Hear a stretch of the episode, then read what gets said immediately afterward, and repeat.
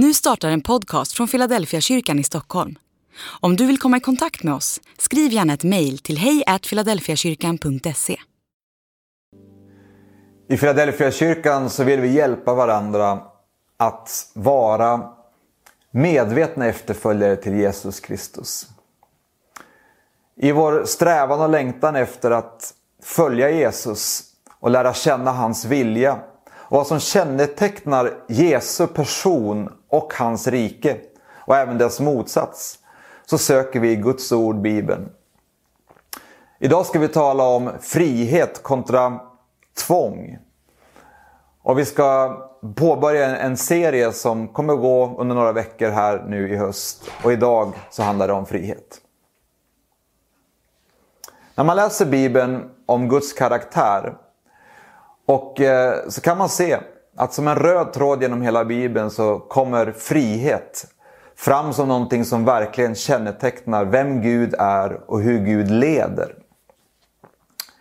I Lukas evangeliet i fjärde kapitlet, och vi ska alldeles strax läsa det tillsammans, så kan man säga att där kommer Jesus med sin programförklaring. Han citerar profeten Jesaja. Vi ska läsa tillsammans ifrån Lukas 4, vers 18 och 19. Herrens ande är över mig. Ty han har smort mig till att frambära ett glädjebud till de fattiga. Han har sänt mig att förkunna befrielse för de fångna och syn för de blinda och att ge dem förtryckta frihet och förkunna ett nådens år från Herren. Det var inte bara så att det var ord som Jesus sa utan det var också så som han levde. Och eh, man kan läsa i evangelierna i Bibeln om hur Jesus möter människor och ser individer och kommer med frihet. Frihet kan ju betyda så oerhört olika mycket och vi kan lägga olika associationer till det. När vi läser Bibeln så märker vi att det, det, berör den inre friheten. Det är inte fråga om först och främst politisk eller ekonomisk frihet utan en frihet i vårt inre, i vår själ och i vårt liv. Ett annat bibelord som beskriver just Guds karaktär och vad som finns runt omkring, vad som kännetecknar den atmosfär kring Gud. Det är när vi läser i Andra Korinthierbrevet, det tredje kapitlet och den sjuttonde versen. Där fångar apostel Paulus som har skrivit det, den tanken där han säger att Herren, det är anden. Och där Herrens ande är, där är frihet. Så om man ska ha det som en slags checkpoint för att kunna stämma av, är det här Gud? Är det här Guds atmosfär och Guds rike? Så är det en väldigt bra att stämma av, rimma detta med, upplever jag frihet?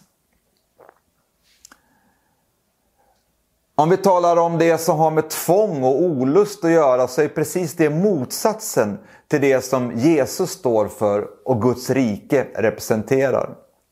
Och Bibeln är tydlig med det i Nya Testamentets undervisning att i olika uttryck så är det så viktigt att vi drivs av en frivillighet och att det kommer från hjärtat och att inte det präglas av olust eller tvång. När Petrus som är en av apostlarna skriver i första Petrus det femte kapitlet om att betjäna människor och att vara en herde för fåren. Den bilden som används för att vara en ledare i en församling. Så står det så här i vers 2. Var herdar för den jord som Gud har anförtrott er och vaka över den, inte av tvång utan självmant så som Gud vill. Gud vill att det vi gör för människor och i tjänst för Gud skall vara utan tvång, utan olust, självmant av en fri vilja. Det står också förknippat med att ge pengar. Att eh, vara med och bidra ekonomiskt och ge. Och att även där så kan vi läsa i Bibeln i Andra Korinthierbrevet, det nionde kapitlet och vers 7. Var och en ska ge som han har beslutat i sitt hjärta. Inte med olust eller av tvång. Ty Gud älskar en glad givare. frihet, glädje och frånvaron av olust och tvång. När vi tjänar och betjänar människor, när vi är med och ger och bidrar.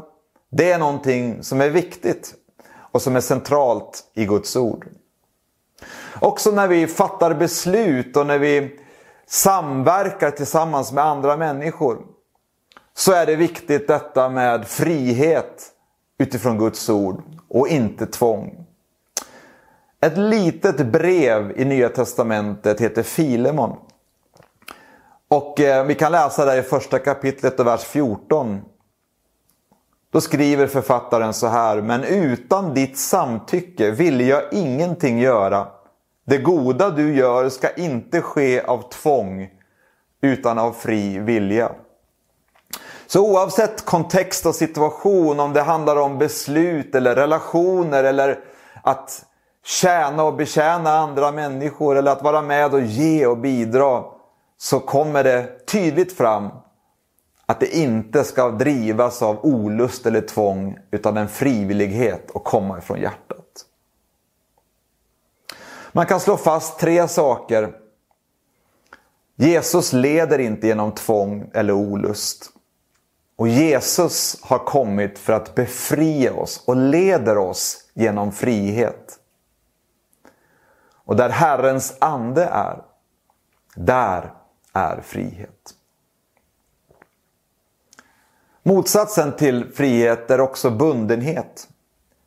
Och ibland kan man få uppfattningen av att frihet är att kunna göra precis som man känner för. Eller att friheten är att inte behöva följa regler eller bud. Verkligheten är den att den typen av frihet leder till bundenhet. Redan i början i Bibeln, i skapelsen, när Gud talar till Adam så ger han honom frihet och säger att ät fritt av alla frukter som finns förutom ett träd. Och Det kan ju vara begränsande på ett sätt men det har ju med att göra med vårt fokus. Adam föll för frestelsen och åt av den förbjudna frukten från det träd som man inte skulle göra. Och frukten av det, eller konsekvensen, blev bundenhet och blev fångenskap. En förlorad frihet. I Nya Testamentet så talar Paulus i Romarbrevet när vi läser där om, om denna kamp och brottning som är mellan frihet och denna fångenskap som vi kan uppleva på insidan. Han skriver i Romarbrevet det sjunde kapitlet och vi läser den nittonde versen. Det goda som jag vill, det gör jag inte. Men det onda som jag inte vill, det gör jag. Så kommer han till slutet av det sjunde kapitlet och frågar Jag arma människa, vem skall befria mig från denna dödens kropp? Ett uttryck för vem ska kunna rädda mig eller hjälpa mig ut i frihet när jag gör det jag inte vill och det jag vill göra det gör jag inte. Vem kan hjälpa mig? Paulus svarar på sin egen fråga och säger Jag tackar Gud. Genom Jesus Kristus, vår Herre, kan jag bli frälst. Kan jag bli räddad?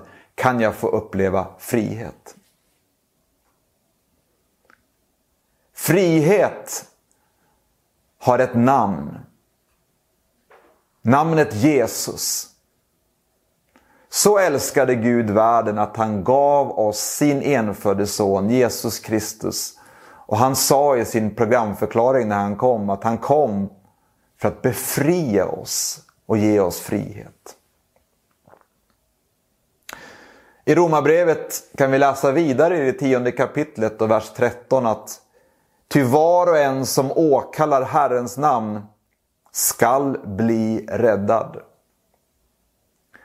Vi kan alla på olika sätt få uppleva olust, tvång, bundenhet och fångenskap. Och ibland vet vi inte vad vi ska göra, vart vi ska vända oss, vad vi ska ta till för att få uppleva en inre frihet. Vi är lyckligt lottade i Sverige som kan få uppleva frihet i så mycket i det yttre. Ändå brottas vi med att få bevara en inre frid och en inre frihet. Bibeln uppmuntrar oss att vända oss till Jesus. Frihet har ett namn. Namnet Jesus. När vi ropar till Jesus, när vi vänder oss till Jesus så hör han oss och han svarar oss och han räddar oss och han hjälper oss. Vi kan få uppleva att det Jesus sa sig vara hans programförklaring kan få bli en personlig erfarenhet, någonting som vi kan få uppleva. Att hans ande som ger oss frihet kommer över oss. Att vi får uppleva befrielse från fångenskap. Att vi får öppnas, uppleva hur våra ögon öppnas och hur det som har varit som ett förtryck får bytas ut mot frihet. Och att nåden får landa och bli en personlig upplevd erfarenhet. I Galaterbrevet, det femte kapitlet och vers 1 så säger Paulus, som har skrivit så mycket av det nya testamentet på nytt. Till den friheten har Kristus befriat oss. Stå därför fasta och låt ingen lägga på er slavoket igen. I vår längtan och vår strävan efter att få vara medvetna efterföljare till Jesus så uppmuntras vi och uppmanas att förbli i den frihet som Kristus har gett till oss. Med andra ord så kan den gå förlorad, men vi kan finna den igen och vi behöver aktivt hålla oss nära Jesus för att stå fasta i den frihet som Jesus ger. Guds ord, Bibeln, hjälper oss också att leva i sanning. En sanning som också sätter oss fria. Jag vill avsluta med att läsa från Johannes evangeliet, det åttonde kapitlet. Och i vers 31 och 32 så, så säger Jesus så här att om ni förblir i mitt ord är ni verkligen mina lärjungar. Eller som vi säger i Philadelphia kyrkan så är ni verkligen medvetna efterföljare till Jesus. Ni ska då lära känna sanningen och sanningen ska göra er fria. Om nu sonen befriar er, då blir ni verkligen fria. I de val som vi gör, stora och små, så kan vi röra oss mot den frihet som Jesus erbjuder och som finns i honom. Jesus leder inte genom tvång eller olust. Jesus längtar efter att få befria oss från det som binder eller håller oss fångna. Herrens ande förmedlar frihet och där Herrens ande är, där är frihet. I vår överlåtelse och längtan att bli medvetna efterföljare till Jesus så uppmuntras vi att förbli i hans ord. Inte bara hastigt besöka och sen lämna utan leva med, att tänka på, reflektera över och förbli i Guds ord. För i Guds ord så finns det sanning, en sanning som sätter oss fria. Ordet, anden och Jesu person står för frihet och förmedlar frihet. Guds rike har ingenting med tvång eller olust att göra och Jesus har bara med frihet att göra. Låt mig be. Fader Gud. Jag ber för varje person som brottas med olust och tvång, bundenhet och fångenskap. Jag proklamerar en frihet genom namnet Jesus. Frihet från förtryck, frihet från bundenhet. En frihet i din närvaro, i ditt namn, genom ditt ord. Tack för att du hör vår bön. Tack för att du talar till oss och att du leder oss ut i frihet. Amen.